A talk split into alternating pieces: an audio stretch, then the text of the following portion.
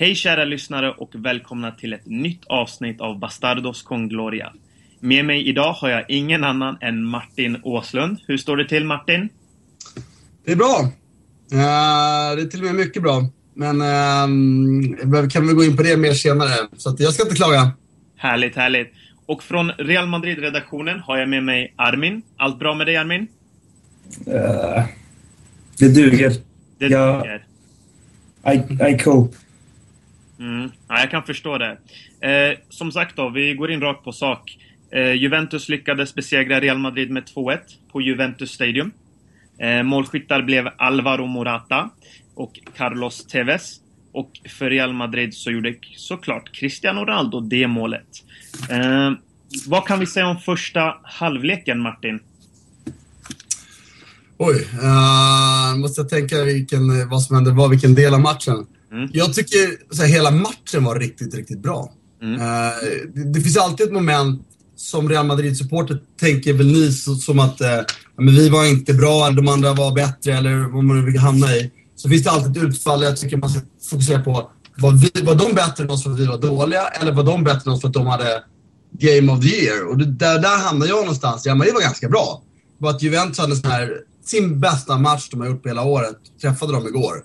Mm. Så jag tycker inte ni ska vara så alltför besvikna heller. Faktiskt. Jag tycker det var underhållande match rakt igenom. Första halvlek var, ni var inne på det lite tidigare när ni snackade inför här. Mm. Att det var, de började riktigt intensivt. Eh, ingen överraskning om man har sett Juventus hemma. Det försöker de alltid göra. Spela hög press, få betalt för, för den här... Innan man, jag vet inte om ni har spelat själva, men innan man sett matcherna sätter sig så är det alltid lättare att få betalt för en hög press. Mm. Den momentet försöker de ju gripa. Sen har de ju några riktigt bra pressspelare i Vidal, Storaro på plan, eh, Marquisio. Så där höll de på att få betalt för det. Men sen tycker jag, första, jag, jag, jag tycker det var en briljant första halvlek. Jag tycker det var bättre än andra halvlek spelmässigt. Mm. Mm. Vad säger du Armin? Vad tycker du om första halvlek generellt? Jag håller helt med Martin här om att eh, Juventus gör väldigt mycket bra och den där intensiteten. Vanligtvis ska det ju inte gå att börja en match så intensivt men de har ju spelat materialet för det. Och de får utdelning rätt tidigt via Morata, det som de flesta väl förutspådde att han skulle göra mål. Men eh, framförallt så var ju spelet mycket bättre. Mycket, mycket bättre i första halvlek för att... Ja, vi kommer till vad de gjorde, vad Juventus gjorde så bra i, för, i andra halvlek senare, men eh, Real Madrid... Eh, när Juventus blev lite väl trötta i sista delen av första halvlek så såg man att Real ändå kom med lite fart och skapade lite lägen och det var lite spel där. Och Isco James tyckte jag var helt briljanta i första halvlek. Men numera är det ju normen.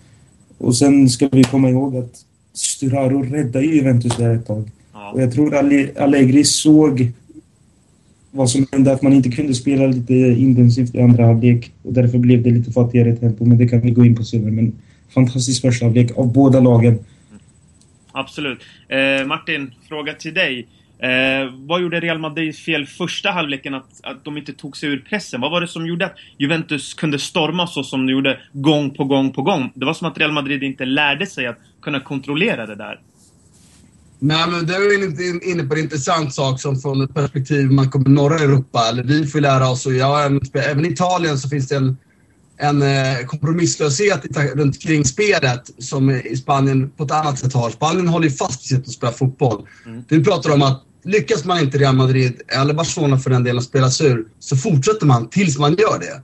Mm. Eh, och då, då ofta då man vänder matcher. Men jag, jag är lite för, det du är inne på nu är sånt som jag själv tycker är lite irriterande. Spelar man fast sig en, två gånger, tredje gången äh, måste vi bryta mönstret. Vi måste tvinga dem, vi måste låta dem inte få betalt för det här. Låta dem betala istället för att de står så högt upp. Spela någon boll bakom. Vi har ju Ronaldo där uppe.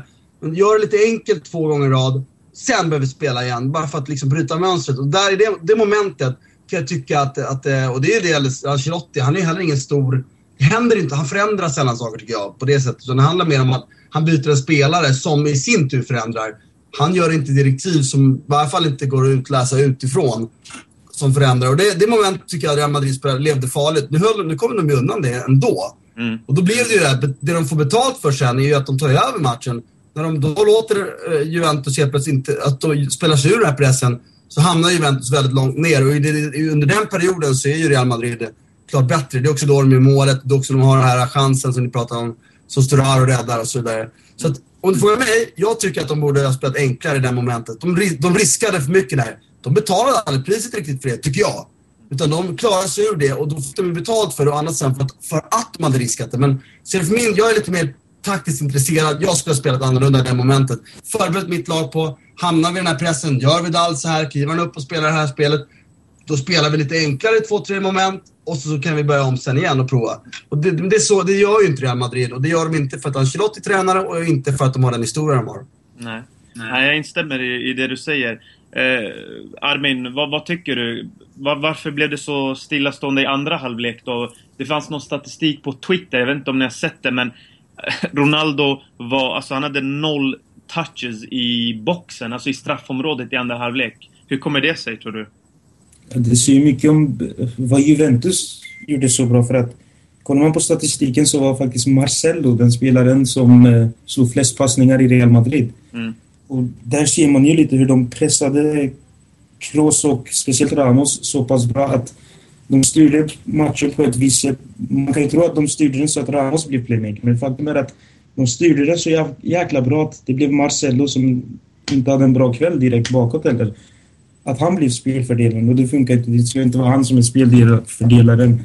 Men sen kan jag tycka att Ancelottis Real Madrid, det som funkade, som var så grymt, att det är ett väldigt flexibelt lag som försvarar 4-4-2 och attackerar med 4-3-3. Jag tyckte inte man såg så mycket av det i andra halvlek alls. För att Juventus gjorde det så jäkla bra. Varje gång tempot var på väg att drivas upp för Real Madrid så delade man frisparkar inom laget. Sen kan man tycka vad man vill om det, men det, jag är helt säker på att det är direktiv från uh, Allegri och det var jävligt smart gjort. Mm. Och sen håller jag med om att Real Madrid riskerar alldeles för mycket i andra halvlek. När det ändå, till och med när det står 2-1, vi måste inte göra ett 2-2 mål liksom. Och man kommer undan lite billigt faktiskt. Kunde varit mycket värre. Absolut. absolut. Sen gick Juventus över på 3-5-2 också. Då blir det ju naturligt så att det är svårt att hitta de här ytorna i boxen. Och det, det gör de ju ofta när de leder eller i moment i matcher. Det är inte otroligt att vi får se 3-5-2 från start i, på Benavena om en vecka. Jag hoppas inte det för Juventus skull. Jag tror att det är för defensivt. Men eh, det är möjligt att vi får se det. Och då blir det svårare för Ronaldo att få in och få de här bollarna i boxen. Det blir mycket spel utanför boxen istället. Och då, vad släpper man för ytor? För det blir ju i praktiken en 5-3-2. Ja, då har man, släpper man ytorna på båda ytterbackarna för, för eh, Real Madrid. Då blir de spelstyrande. Och det, det funkade väldigt bra. Det håller jag med om. Mm. Om vi går in på situationen. Jag tänker på Carvajal som eh, ja, idiotiskt tacklade Tevez. Eh, Martin, den här frågan är riktad till dig. Alltså, hur tänker man som fotbollsspelare? För att Carvajal hade ju ändå, ja, vad var det, en, två sekunder tycker jag ändå han hade kontroll på det. Men så försökte han ändå ta bollen. Varför gör man det? Uh, du pratar egentligen med fel person för jag, var ganska mycket mer, mindre uh, intensiv än vad han var. Mycket mer spelsmart i sådana moment. Mm. Jag tycker det är en idiotgrej. Han har, det första han gör är ju gränsfallstraff. Det gör han ju skitbra. Mm. Han får ju TVs ur vinkel lite, lite dålig balans. Precis. Då ska man nöja sig. Men uh, jag har ju sett Carvajal hur många som helst, som ni också sett. Han spelar ju på gränsen. Jag tycker inte han tänker i moment han lämnar sin position för tidigt väldigt ofta eh, och han tacklar i moment när han inte bör göra det. Och I andra delar av planen så är han ju väldigt bra på, på den här gränstagningen för då vinner han ibland bollen när man inte tror att han ska göra det. Men det är det där. Där gör det, där gör det inte. Och jag tycker, det är den här, för mig är det också en, en sån här, jag, jag, spelade visserligen bara i Italien och det är i andra ligan jag spelade. Men det var också det som störde mig lite. Istället för att prata om efter matchen om att att, att, att eh, till exempel att, att en sån här situation uppstår så var förbannade. Först skulle man varit i Sverige, då skulle vi varit förbannade på honom. Varför tar du sån risk? Så det ska du inte göra, vi har allt under kontroll. Mm. Så gick man på domaren istället och skyllde på det och det är väl klart att du provar att tackla Och då blir det så här, då lär man sig ju aldrig riktigt. Så det är liksom en kulturskillnad också. Där man är tillåten att pröva mer på såna grejer, alltså chansa som man gjorde. Mm. Och jag håller ju med det ni antyder här, eller tycker antar jag, att det var en idiotgrej. Och det är klart, en, en klar målchansutvisning är det möjligtvis inte eftersom man är på väg ur vinkel. Möjligtvis är Men det är ju såklart gult kort. Det är märkligt att inte... För det, och ni kanske kan ringa bättre än mig, men jag har inte fått tag i Jonas Eriksson idag. Jag brukar jaga honom annars i sådana situationer. Och för mig var det ett solklart gult kort, åtminstone. Mm. Ni får gärna rätta mig om jag har fel.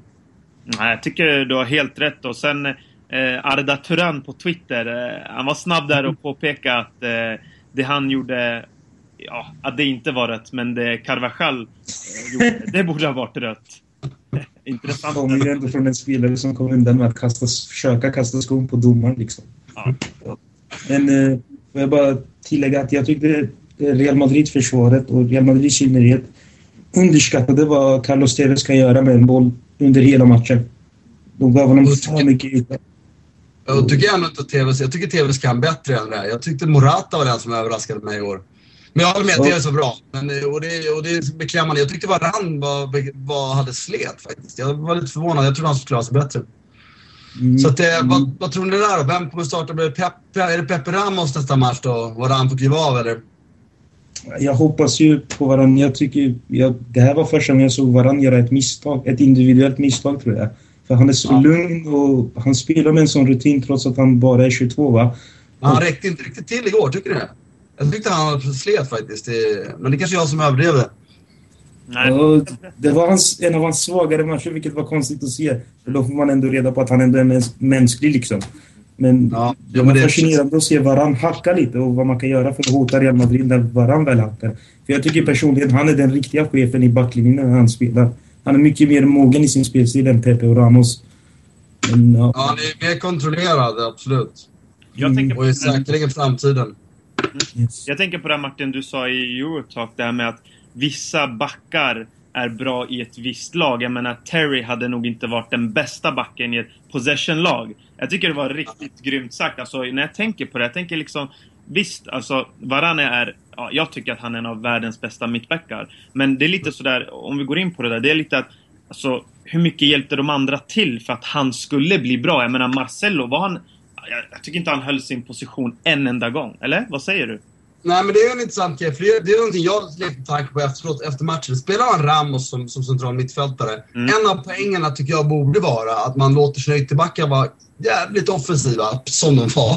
Som de alltid är. Men så droppar man Ramos mer, så man bildar en snabb trebackslinje med de tre. Då spelar man mer eller mindre en 3-5-2 när man attackerar. Så det finns många lag som gör det på ett bra sätt. Jag förstår inte poängen med att spela Ramos längre fram spelstyr. Alltså då blev det ju då, då fick man dåliga av två världar på något sätt liksom. Ja, Okej, Ramos har, är väl normalt sett en bättre passningsspelare än han var igår, men när han, ett problem för Real Madrid är att han styr spelet, man trycker på med båda ytterbackarna, man lämnar båda sina två mittbackar isolerade. Och det tycker jag att det naturliga hade varit, droppa Ramos, upp med ytterbackarna, låt Kroos styra spelet. Utgår ifrån, eller är jag fel där? Det är inte så man borde spela. Jag håller med dig. Det var ju lite som en... I den där första drömhalvleken mot Atletico i kvartsfinalen, den på Calderon, så var det ju lite så att Kroos var den som droppade ner då. Och då kom Carvajal och Marcelo i full fart in. Det var en av de grejerna som funkade den gången. Men skillnaden var att då hade man ju min absoluta favoritspelare på denna planet just nu, Luka Modric på planen. Mm. Och det, Jo, det har vi inte så mycket. Det, har vi, kan vi, det är svårt. Jag ser ju inte alla era matcher som ni ser, men det är ju bara att konstatera att, att när han är med så, så flyter alltid jävligt mycket bättre. Och det är inte bara en liten skillnad, det är tyvärr en ganska stor skillnad. Ja, men det, det känns ju ändå som något alla verkar ha förstått nu. Men det, det är en helt... Det är inte bara passningsspelet han är så jävla bra på. Det är liksom... Jag menar, han är på väg att få bollen. Han har två mittfältare runt sig på mittplan liksom. Han kan bara rycka ifrån utan att röra bollen. Två, tre meter framåt. Bara det gör så mycket för vårt spel. Det blir en annan fart. En annan spelintelligens kommer in på planen. Men han är saknar det- som det. Det är nog, nu kan jag inte säga det, Modric just så, så, så mycket se- sent så att jag, han är expert på det. Men, eh, eller ja, det är, det är klart han är bra på det, men just den, den effekten gäller alla lag. Har man en mittfältare som klarar av att kontrollera, för man vill ju inte ha en risktagare heller, men passera sin motståndare eller skapa, för det är det som är så obehagligt när man spelar mot sådana lag. Helt plötsligt är det mittfältare som flyter emellan. Jag älskar till exempel, jag, jag spelar mot eh, Aymar och Rui Costa. De, som mittfältare var de ju obehagliga att möta. Helt plötsligt så flöt de emellan och då blir man liksom ställd. Ska jag flytta min position eller ska jag falla? Du vet, I Sverige behöver man aldrig oroa sig för det, för det var ingen mittfältare som dribblade. Utan han spelar bollen vidare, då flyttar man bara sin liksom, fyra. Helt plötsligt var det en som flöt emellan och det det gör med Modric då. Det är att man måste skjuta sig, man måste gå emot det, då släpper man sin yta. I de hålen kan de attackera sen. Så ja, nej, det är fundamentalt. Men han är inte, han är inte aktuell att spela eh, mot uh, om en vecka ju. Han är borta då nästa Nej. säsong. Sist jag såg honom var det fortfarande kryckor som gällde. Tyvärr. Mm. Nej, det finns ju inget att grubba över nu. Real Madrid ska ju... Jag tycker i och för sig Modric är ersättbar, men Real Madrid ska ju ändå... Med tanke på de pengarna man eh, spenderar så ska man inte klaga på en skada. Nej, det håller jag med om. Och det är ju nästa grej. Man, väg, man vägrade nästan tro att Modric skulle betyda så mycket. För att, just den anledningen du nämner, här är ett lag som omsätter så pass mycket pengar och har så mycket bra spelare. Det borde finnas någon som kan axla en del av det, det, det han har tillfört. Men det verkar ju tyvärr inte vara så. För er del. det var det, det var det också jag ville säga. Jag menar, visst, man kan eh, prata i evigheter om hur bra Modric är. Men samtidigt så måste man tänka ändå att det måste finnas en lösning. Och det är där Ancelotti förlorade den taktiska kampen. Alltså, du ser att Ramos slår bort pass efter pass. Du ser att Marcelo inte håller positionen. Då måste du också kunna agera utefter och anpassa dig. Och det hände inte. Eh, Ja, men det gör han inte. Inte PSG, inte Milan tycker jag. Chelsea minns jag inte. Nej. Det är inte hans stora sida. Han har andra sidor. Men hur vill ni spela då? Vill ni spela Kroos, Chamez och Isco centralt och så som en trea där fram? Kan Benzema spela?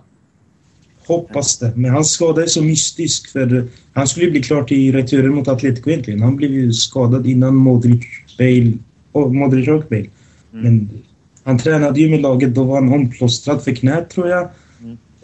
Jag hoppas att Benzema ska kunna spela. För han blir viktig, det såg man igår. Eh, när det finns ingen som tar de där löpningarna för sina anfallskamrater så blir vi lite lidande. Det blir lite stillastående i anfallsspelet också. En jobbig möta. Jag vet inte, det är klart att ni har sett, men alltså, när man ser igår så skulle i alla fall jag spontant lida lite av att se en spelare som Morata var så bra och verkligen, tycker jag, har behövt att se igår. Mm. Ja, det var Ja. faktiskt nästa fråga som jag hade. Om, om Morata. Hur, hur viktig var han för Juventus egentligen? Men nu tänker jag på, kommer Morata spela nästa match eller kommer det vara Lorente?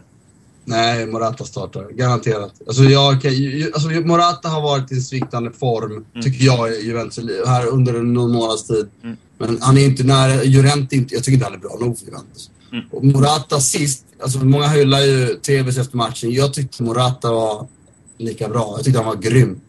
Faktiskt överraskad. Jag tror att det var hans bästa match han har gjort. Mm. Som jag har sett eh, en hel match av i Juventus. I Real Madrid minns jag inte riktigt om han var så här bra. Det tror jag inte. Nej. Så att, nej, det är klart att han spelar och det är klart att ni hade behövt honom. Det är klart att eh, jag skulle hellre vilja Chicharito än att spela med som ni gjorde sist nu, men eh, jag tycker ändå att Modric, eh, eller förlåt, Morata är bättre än eh, Chicharito. Vad tror du Armin? Kommer vi ta tillbaka Morata eller har han tappat förtroendet för, för sin tränare? För det är ju så när, när man blir ivägskickad på det sättet han blev egentligen. Att mer, mer eller mindre att du duger inte till. Eh, vill man då komma tillbaka till, till För? Moratas skull då, om jag bara tänker på Morata och hans karriär, Mm. hoppas jag inte att han kommer tillbaka. För i Real Madrid Mm. så är fansen för kräsna och gräset är nästan alltid grönare på andra sidan. Kolla bara på Gareth Bale. För mindre än 12 månader sedan avgjorde han två finaler. Mm. Idag vill nästan alla ha bort honom. För hans skull, nej, för vår skull, vi behöver en Morata. Någon som kan komplettera Benzema när han är borta eller när han inte funkar. Men Absolut. det lär ju bli en idiotvärvning i så fall. Men är, han, är, han, är det en köpklausul de har på honom, Juventus? Ja, 20, 20 miljoner? något sånt. 2030. En återköpsklausul. Och i dagens marknad så vet jag inte om vi kan hitta en bättre för samma pris. Jag Kan inte. köpa Balotelli för 18 från Liverpool? eller? Priset tror jag. Balotelli har mycket potential. Jo, jo, och jag önskar verkligen att han får ut den. Jag har bara sett honom live så många gånger man slutar tro att det är möjligt. Men det var lite off topic. Ja, ja, men ähm, Tillbaka vad till tror topic. ni, tror att, ni tror att ni vänder? Ja, det var min nästa fråga här som jag skulle gå Förlåt. på. Eh, Det är ingen fara, det är bara att köra. Jag tycker om ni båda är flitiga här. Det är jättebra. Eh, Det var min nästa fråga då, vad, vad vi tror om returmötet. Kan Juventus behålla sin ledning och hur ska man göra? Jag kan börja med den då. Så, så, eh, så här, Juventus, så här, tittar man på utfallet av de här två lagen. Juventus var mycket, mycket närmare sitt maxutfall än vad Real Madrid var. Mm. Som kollektiv och på många håll på en individuell basis. Så kan man undra varför blir man det för? Det ena är ju att, att såklart det är upp till varje individuell spelare. Sen är det här att Juventus har, har ett mycket, mycket, mycket, mycket tydligare grundspel. Så när de inte fungerar, de här enheterna var en för sig, så fungerar de alltid tillsammans på ett sätt. Och det har inte Real Madrid. Mm. Det tycker jag talar för Juventus även i nästa match. För alltså, Real Madrid kan man aldrig räkna ut. För Real Madrid, har, med de spelarna ni har, så kan ni spela uselt i 88 minuter och ändå vinna med 3-2 för att de spelarna är så jävla bra de ni har. Det har inte Juventus på samma sätt. De har TVC riktigt, riktigt bra, men han är inte på den nivån riktigt. Och så, så, man kan aldrig räkna ut det, men det jag såg igår var ändå ett lag som Juventus som var rätt trygga med att låta Real Madrid styra spelet. Och om inte Real Madrid topprickar en av de här dagarna när de är riktigt bra, så tror jag att Juventus slår ut dem. Och det, jag tycker Juventus, det är märkligt nog att säga, är lite favoriter nu. Därför att de, bara, och bara för att de kollektivt ser bättre ut. För att individuellt sett är det ingen snack om saken. Och, ja, men det är ju otroligt jämnt. Alltså, som sagt, det går aldrig att räkna ut ert lag. Nej, det stämmer. Då om vi går till Armin då. Armin, eh, vad ska Real Madrid göra då? Vad, vad, vad kan man göra för att skaka om Juventus? Först och främst ska Real Madrid inte starta Ramos på mittfältet. Och eh, vi såg lite det när Modric först blev skadad på landslagsuppehållet i höstas så började Ancelotti våga spela ännu mer offensivt balanserat med Isco, James och Kroos som en mittfältstrio. Mm. Och någon av dem blir då en mittfältsduo när vi försvarar. Mm. Men det tycker jag är ett måste om man ska kunna knäcka Juventus. För eh, både Isco och James har ju den där explosiva kreativiteten. Sen får Isco sluta upp med den där Messi-drömmen han verkar ha. Han, kan ju, han är en av mina favoriter, men han måste sluta försöka dribbla sig genom fyra spelare helt enkelt. Men det är ju en oslipad diamant. Men sen, eh, vi möter ju Valencia i helgen. Är Bale helt under isen där så är det väl dags, Don Carlo, att sätta honom på bänken. Men det tror jag inte han gör.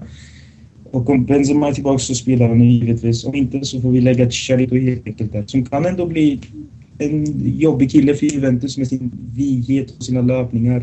Mm. Han sprang väl 8,2 kilometer mot Sevilla. Det är helt sjukt. Ja. Anfallare. Kedira sprang 7 kilometer mot Schalke där i 4-3 matcher. Mm. Sen... Hur länge Valencia då? Ska vi vila spelare då eller?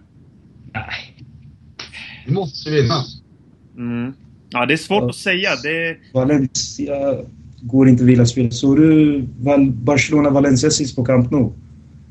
Uh, vad slutade den? Jag tror inte att det så. 2-0 till slut. Suarez gjorde mål direkt, sen gjorde Messi mål i sista minuten. Men Nej, jag tror vad Valencia var i första halvlek. De brände ju en straff också, hade stoppskott. Så vi kan jo, just det! Jo, just det! Ja. Nu minns jag. Ja, det, det, just det. Då slet de. Ja. ja. Vilket pressspel. Så det kommer ju också bli en tuff match.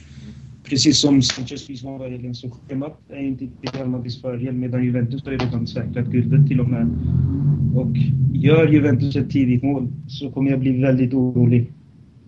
Absolut. Det är nästa grej. Jag tror nämligen att Juventus har mer... Jag, jag tycker att Juventus har mer att hämta sitt omställningsspel. Mm. Tevez var bra, men han kan mer. Och jag tror definitivt med de ytor han har. Och så, jobbiga med att möta honom är att han, han slutar ju aldrig pröva. Eller? Han går ju på allt. Mm. Och så med den här låga tyngdpunkten. Det är faktiskt så att fysiskt sett så får de svårt att matcha och flytta på honom. Det är klart, de slår ju varandra snabbare. Så att, över ytor så blir det väl svårt att göra det. Men nej, jag vet inte. Jag, mål gör nästan Juventus, det är jag nästan säker på. Mm. Så mm. tror jag att Real, Real kan göra fyra, liksom, så att det spelar ingen roll så sett. Men jag tror inte Juventus kommer måla så där. Det tror jag inte. Nej. Det känns också som lite när man pratar om Real Madrids matcher, man glömmer alltid bort den där, hur nu man kan göra det, till och med jag gör det, liksom, den där Ronaldo-faktorn. Han kan ju ha en hur dålig dag som helst och göra tre mål liksom. Det är ju en av hans mm. storheter. Det ska bli jävligt intressant. Nu börjar jag redan längta. Alltså, det är en bra vecka. Om man ser det på det positiva, om man nu klarar av att hantera pressen. Det är roligt att match mot Valencia och Juventus på på en vecka. Liksom. Det är sånt man ser fram emot. Typ. Mm. Det som talar för Real Madrid det är ju att eh, vi, vi, vi har haft tidigare sådana här veckor där eh, mycket står på spel och eh, Real har lyckats ganska bra när det verkligen gäller och där tror jag att Real Madrid har mycket att hämta. Eh, men jag tänkte på den här diskussionen om Ramos, det var intressant. Armin sa att Ramos inte ska spela. Martin, vad, vad tycker du om det? Ska han spela fast, trots att han gjorde som, trots att han gjorde en sån eh, usel match som mittfältare, ska vi då säga. Precis som Armin påpekar.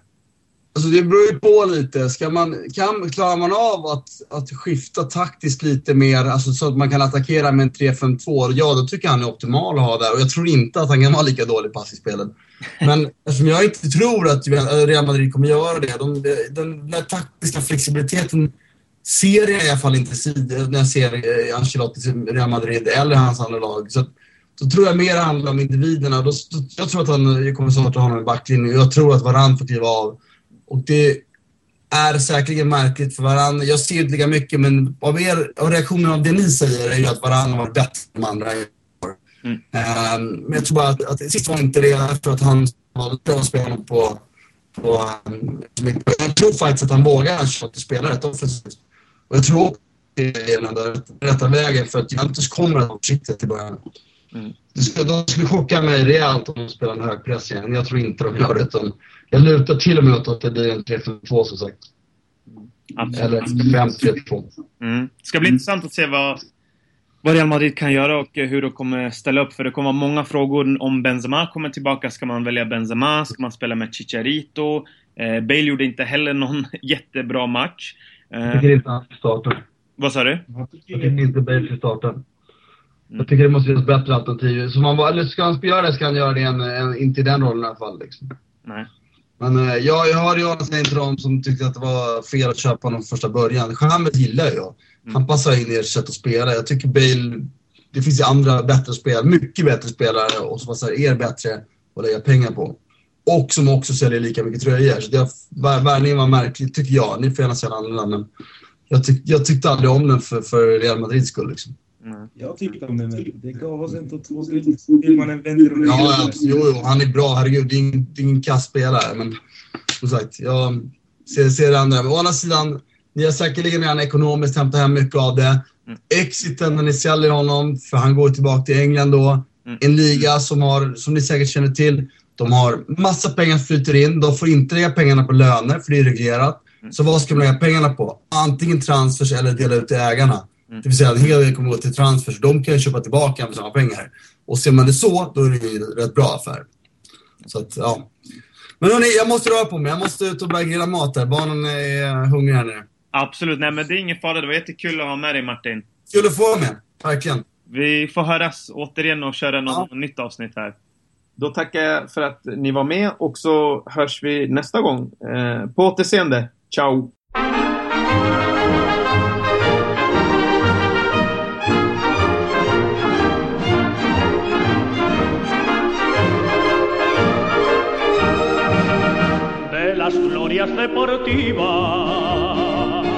Que campean por España. Va el Madrid con su bandera, limpia y blanca que no empaña. Club castizo y generoso, todo nervio y corazón.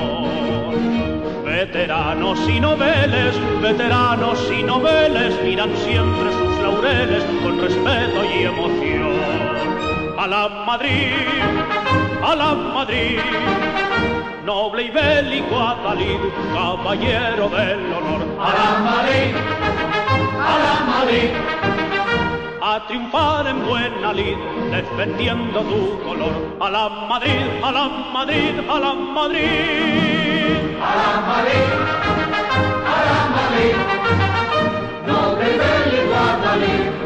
caballero